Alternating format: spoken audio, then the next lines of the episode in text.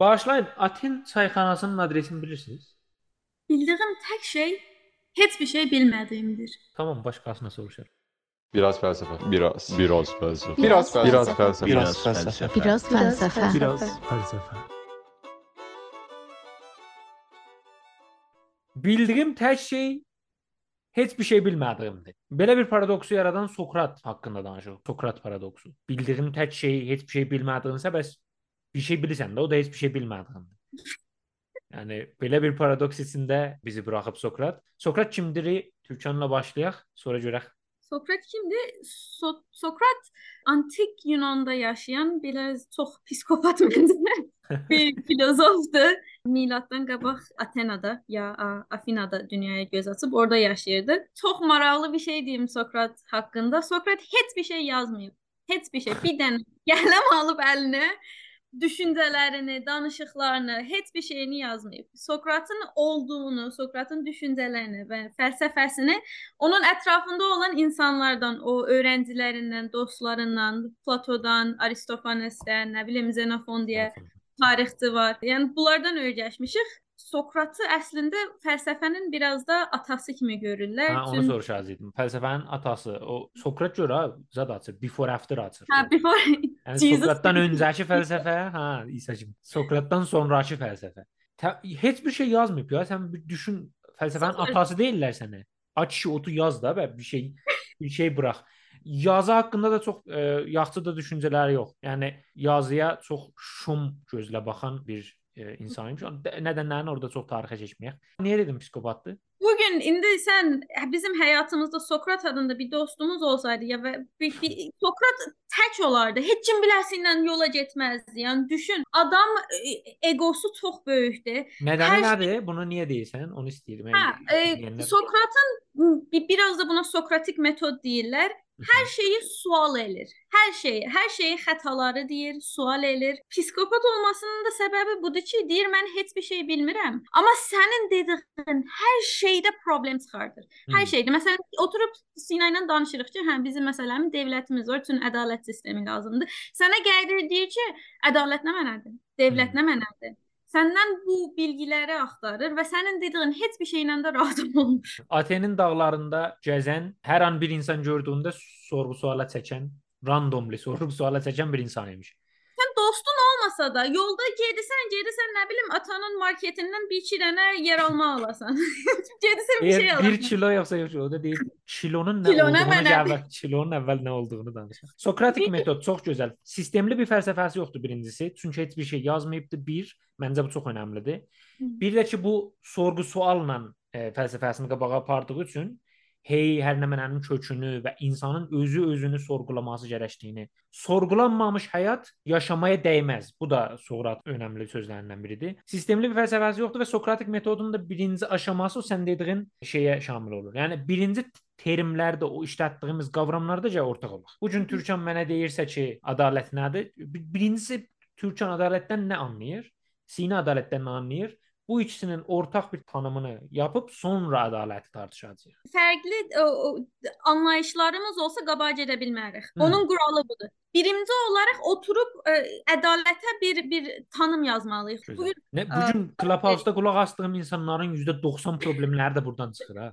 Oradan. İkisi də istəməsən məsələn gəlirlər də solu vuralar. Solu nə bilim. İkisi də amma soldan heç bir anlayışları yoxdur ən və ya sevdiyim. və ya əslən heç soldan ikisi də eyni şeyi anlamırlar. Atıram. Amerikalılar nə Sol də misal sosializmin nə olduğunu bilmirlər. Amerikalılar sosializmin nə olduğunu bilmirlər, amma Amma vururlar. hər hangi bir şey olanda immig immigrantlar bizə sosializmi gətirirlər.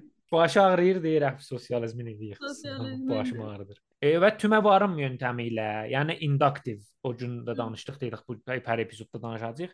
Induktiv metodundan gedir. Yəni e, farsça deyil cozbekol, yəni tümə varır da, yəni kiçikdən cozudan gedir kolla yetişir. Deyirik bu günəcək gördüyüm insanların hamısı ölüblər. Sokrat da bir insandır. Pəs Sokrat da öləcək bir gün. Bu tümə vardım da, düzdür?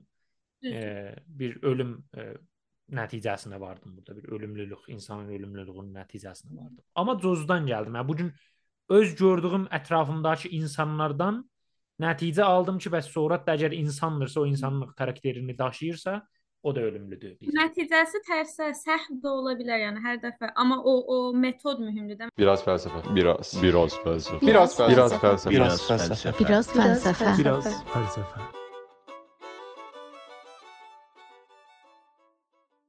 Çok popüler bir selebritiymiş onu da diyeyim. Hmm, Ee, çok. bir savaşçıymış ve ondan sonra da e, yani followerları olan insanıymış da her kəslə interaction olduğu üçün, hər kəslə e, oturub qalxdığı üçün, sual soruşduğu üçün çox böyük bir selebritiymiş. Tanınmış public figure imiş. Ona görə deyirəm də biraz o egosu, p- psikopatlığı, yəni e, istir e, hamı e, onunla danışsın, hamı onun ətrafında olsun, şöhrəti sevir, onun o o diqqət cəlb eləməyi Burada sevir. axı iki cürə psikopatlıq mən görürəm. Yəni birinci psikopatlıq var sən dediyin kimi. Yəni bu sorğu-sual yoluna belə gedir ki, əzə da səni deyim. Mən bilirəm bu gün mən baxıram məndə də çox var o. o psikopatlıq məndə də var. Wikipediyada örgəşdiyim kəlməni gələ həttəmən birinə bu gün görüşdüyüm, ilk gördüyüm insana hava atam. Amma Onu sən nə gəlib olsun. O insana demisən, mən heç bir şey bilmirəm. Deyirsən ki, o mən bugün bunu Aha. öyrəndim. Bu adam səni onunla əzir. İki cürə psikopatlıq olurdu. Onda bir psikopatlıq bu olur ki, biz öz selebritilərimizdə də görə bilirik. Sokratı niyə bu bu insanlarla müqayisə edirəm bilmirəm. Amma nəysə, yəni bu gün olsaydı ən azından bir 1 milyon followeri olardı Instagramda Sokrat mənim. Birinci psikopatlıq dediyin kimi o əzməkdir. Yəni özünü dominant eləmək üçün çox yollara başvuran, bilgisi ilə əzən, hey sorğu-sual altına çəkən. Sual soruşmaq üçün sual soruşan insan tipi. Ay sağ ol. Çox qorxmalı. Yəni bir gün desələr ki, gedək qonaqlığa deyərəm kim var desələr Sokrat var, getməm o qonaqlığa. Qorxmalı bir insan. Bu bu psikopat qorxmalı bir psikopatdır. Yenə də psikopat var.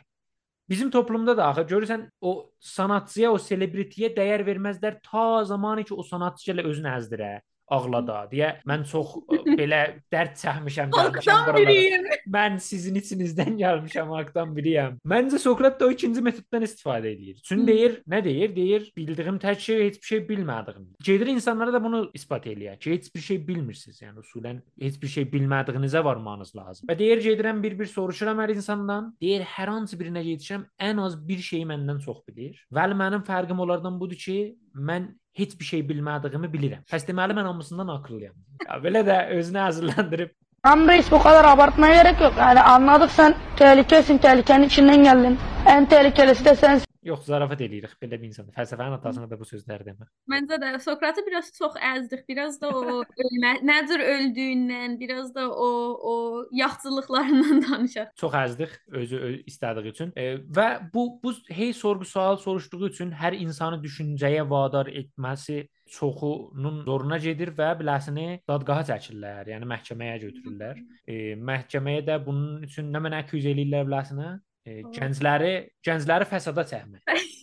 E, Aten gənclərini fəsada çəkmə. Bir başqa accusation da fikrim Allahlara, Atenin Allahlarına inanmamaq. Bu çox bu ikisi də çox tanış gəlir mənə bu accusationlar. İran dövləti. Nəysə. çox tanış gəlir. Əflatunun Apology, Sokratesin savunması ona görə çox məşhurdur. Sokrates savunmasında orada jüri heyətindən ki savunma var. Orada rəycir olacaqdı da. Sofistlər toplanıbdı, juristlər, jürilər var orada məhkəmədə. Çox gözəl dialoqlar gedir. Dialoqlardan biri budur ki, sual soruşur, deyir əgər mən inanırsınız ki, gəncləri fəsada çəkirəm, mənə deyə bilərsiniz ki, kimlər fasiddir. Ondan biri qalxır deyir ki, bu fasid deyil, bu fasid deyilsə, hamı heç kim fasid deyil, Soqratdan sonra. Və Soqrat da deyir, əgər belədirsə, onda sənin özün də əgər fasid deyilsən, bəs gərək məni mühakimə eləməyəsən, hidayət eləyəsən, islah eləyəsən. Nəysə, savunma bitir. Birinci savunmadakı deyəcəklər hökmdür ya deyil. Nə oy çıxır Türkan? Ölüm oyu. Ya əslində 2 dənə biləsinə seçənək verirlər. Biri deyirlər ya ə, biz səni edam eləyə bilərik. Edam da deyəndə burada ə, gedib asmaqdan ə, danışmıram, sadəcə ölüm ə, şeylə Ölüm deyirəm. cəzası. Hı -hı. Ölüm cəzasından deyirəm. Ya da istəsən ə, çıxıb gedə biləsən. Yəni burada qalma, bizim millət ilə, bizim gənclərimizlə işin olmasın, sual soruşturma olaraq beyinlərini işlətməsinlər. Təbii də, yəni köç. Köç yeçinən har ə, get ayrı bir yerə. O bayaq dediyimiz psikopatlıq da burada gəlir. Ə, Sokrat Deyir, Soqrat nə deyir? Deyir, birinci savunmasında deyirlər ki, məhkumsan. İkincisində deyirlər seç. İkincisində deyirlərsə Sokrat da biraz intihara çox meyilliymiş. Cə cəza olaraq deyir ki, mənə Atenin o məşhur yeməkxanasındakı böyük qəhrəmanın orada yemək yeyirlər. Orada sonsuz müftə yemək istəyirəm. Yəni cəzası deyir məni ödülləndirin. Dostları da oradan deyirlər, yox, yox, zarafat eləyirlər. Zarafat eləyir, amma dəlidə biraz dəliliyi var. İnanmayın buna. Dostları belə o ləhzə istəyirlər qurtara bilərsən. Tabii, Adamdakı üzə bax. mən olsaydım tir tir titrərdim orada ki, mən ölürəm. Sokrat olmağın da bir həzinəsi var da. Bir də e, Platon ondan sonra Əflatun ondan sonra ətrafındakı insanlar ə, biləsinə deyirlər ki, o çıx keçinən də ya qəbul eləmə, savaş. Niyə gedib özünü öldürürsən bilə-bilə və e, burada sosial müqavilə şeyin başladır əslində. Hmm. Deyir ki, bunu əlbəttə daha sonra Hobbes danışanda daha detallı, ətraflı danışacağıq, amma o, o sosial müqavilə deyir ki, yox mən mən bu millətin bu bu ictimai qrubun bir parçasıyam. Əgər qrub bunu düz bilirsə, mən o qruba uymalıyam. Yəni yenə o o dövlətin o qanun qoyması, qoymadığın zaman cəzalandırma konsepti. Yəni biz qəbul eləmişik ki, Atenanın ə, güvənli, ədalətli bir yer olması üçün vardı bu məhkəmə. Bu məhkəmə nə deyirsə, mən onu alıb başımın üstünə ə, qoyacağam. Yəni rəvayətlərə görə, yazılanlara görə bir səhnə var. Zindana gedir, ölümünü gözləyir orada. Qapı açıq, zindanın, hücrənin qapısı açıqdır. Qaça bilər. Başqa şagirdlərinin, müridlərinin yanında vardı. Qapı açıq, zindan hücrəsi 2 nəfər insan, biri Sokrat. Qaçmaq yerinə nəyi tərcih eləyir? O gecə gündüzəcək ədalət qavramını tartışırlar orada. Otururlar deyirlər ədalət nədir? Gəlin bunu oturaq danışaq. Orada zindandan qaçmaq yerinə ədaləti tartışırlar. orada. Bu da başqa Həyatı yaşamayı sevibdim. Anı yaşamayı sevirmiş. Anı, hə, həyatı yox, bəlkə ay sağ ol, bağışla. Anı yaşamayı. Hər hardasınızsa, hər yerdəsinizsə Sokrat bir gün gəlib sizi tapacaq və sizə o sualları soruşacaq. Sokratdan qaçış yox. Öz ilkələrini və öz fundamentallarını sorğulamaya insanları yönləndirən bir filsof. Nietzsche-də də bunu görəcəyik. Öz fundamentallarını, o fundamentalları sorğulamaq, özünü necə sorğulamaq bunu orada da görəcəyik. Qiyaslaya bilərik hətta Sokratik metodla. Təbii ki, Nietzsche daha sistematik bir fəlsəfə ilə gəlir qabağa. E, bəs necə başlamışdıq? Bildiyim tək şey və ya bildiyim şey heç bir şey bilmədiyimdir. Axı bilmək nə mənədir ki? Məncə bilmək öyrəndiyimiz şeylərin toplamına deyilir. Hmm. Pəs o zaman bu günə qədər öyrənmədiyimiz şeylər biz onları öyrənmədiyimiz sürəcə bilgi hesab olunmur. Yox da onlar da bilgi hesab olurlar. Yalnız hələ onlarla üzləşməmişik. Yəni onları hələ üzləşməmişik ki, onları öyrənək. Axı bu dediyinə əsasən onda birinci verdiyin bilgi tərifi yanlış olur. Yəni onda bəs bir şeyi necə tərif eləyək bə? Tərifin quralları nədir səncə? Məncə bir şey başqa şeylərdən ayrışdırandır da onun tərifi. Bəs iki ortaq ana özəlliyi olan iki fərqli şey sənin dediyin görə eyni şeymi? Hər dairə olan şey topmu? Yox, hər dairə olan şey top deyil, Varsa hörmətin mənə, məndən heç nə soruşma, daha bu haqda danışma. Son qoyaq bu söhbətə, salma məni zəhmətə.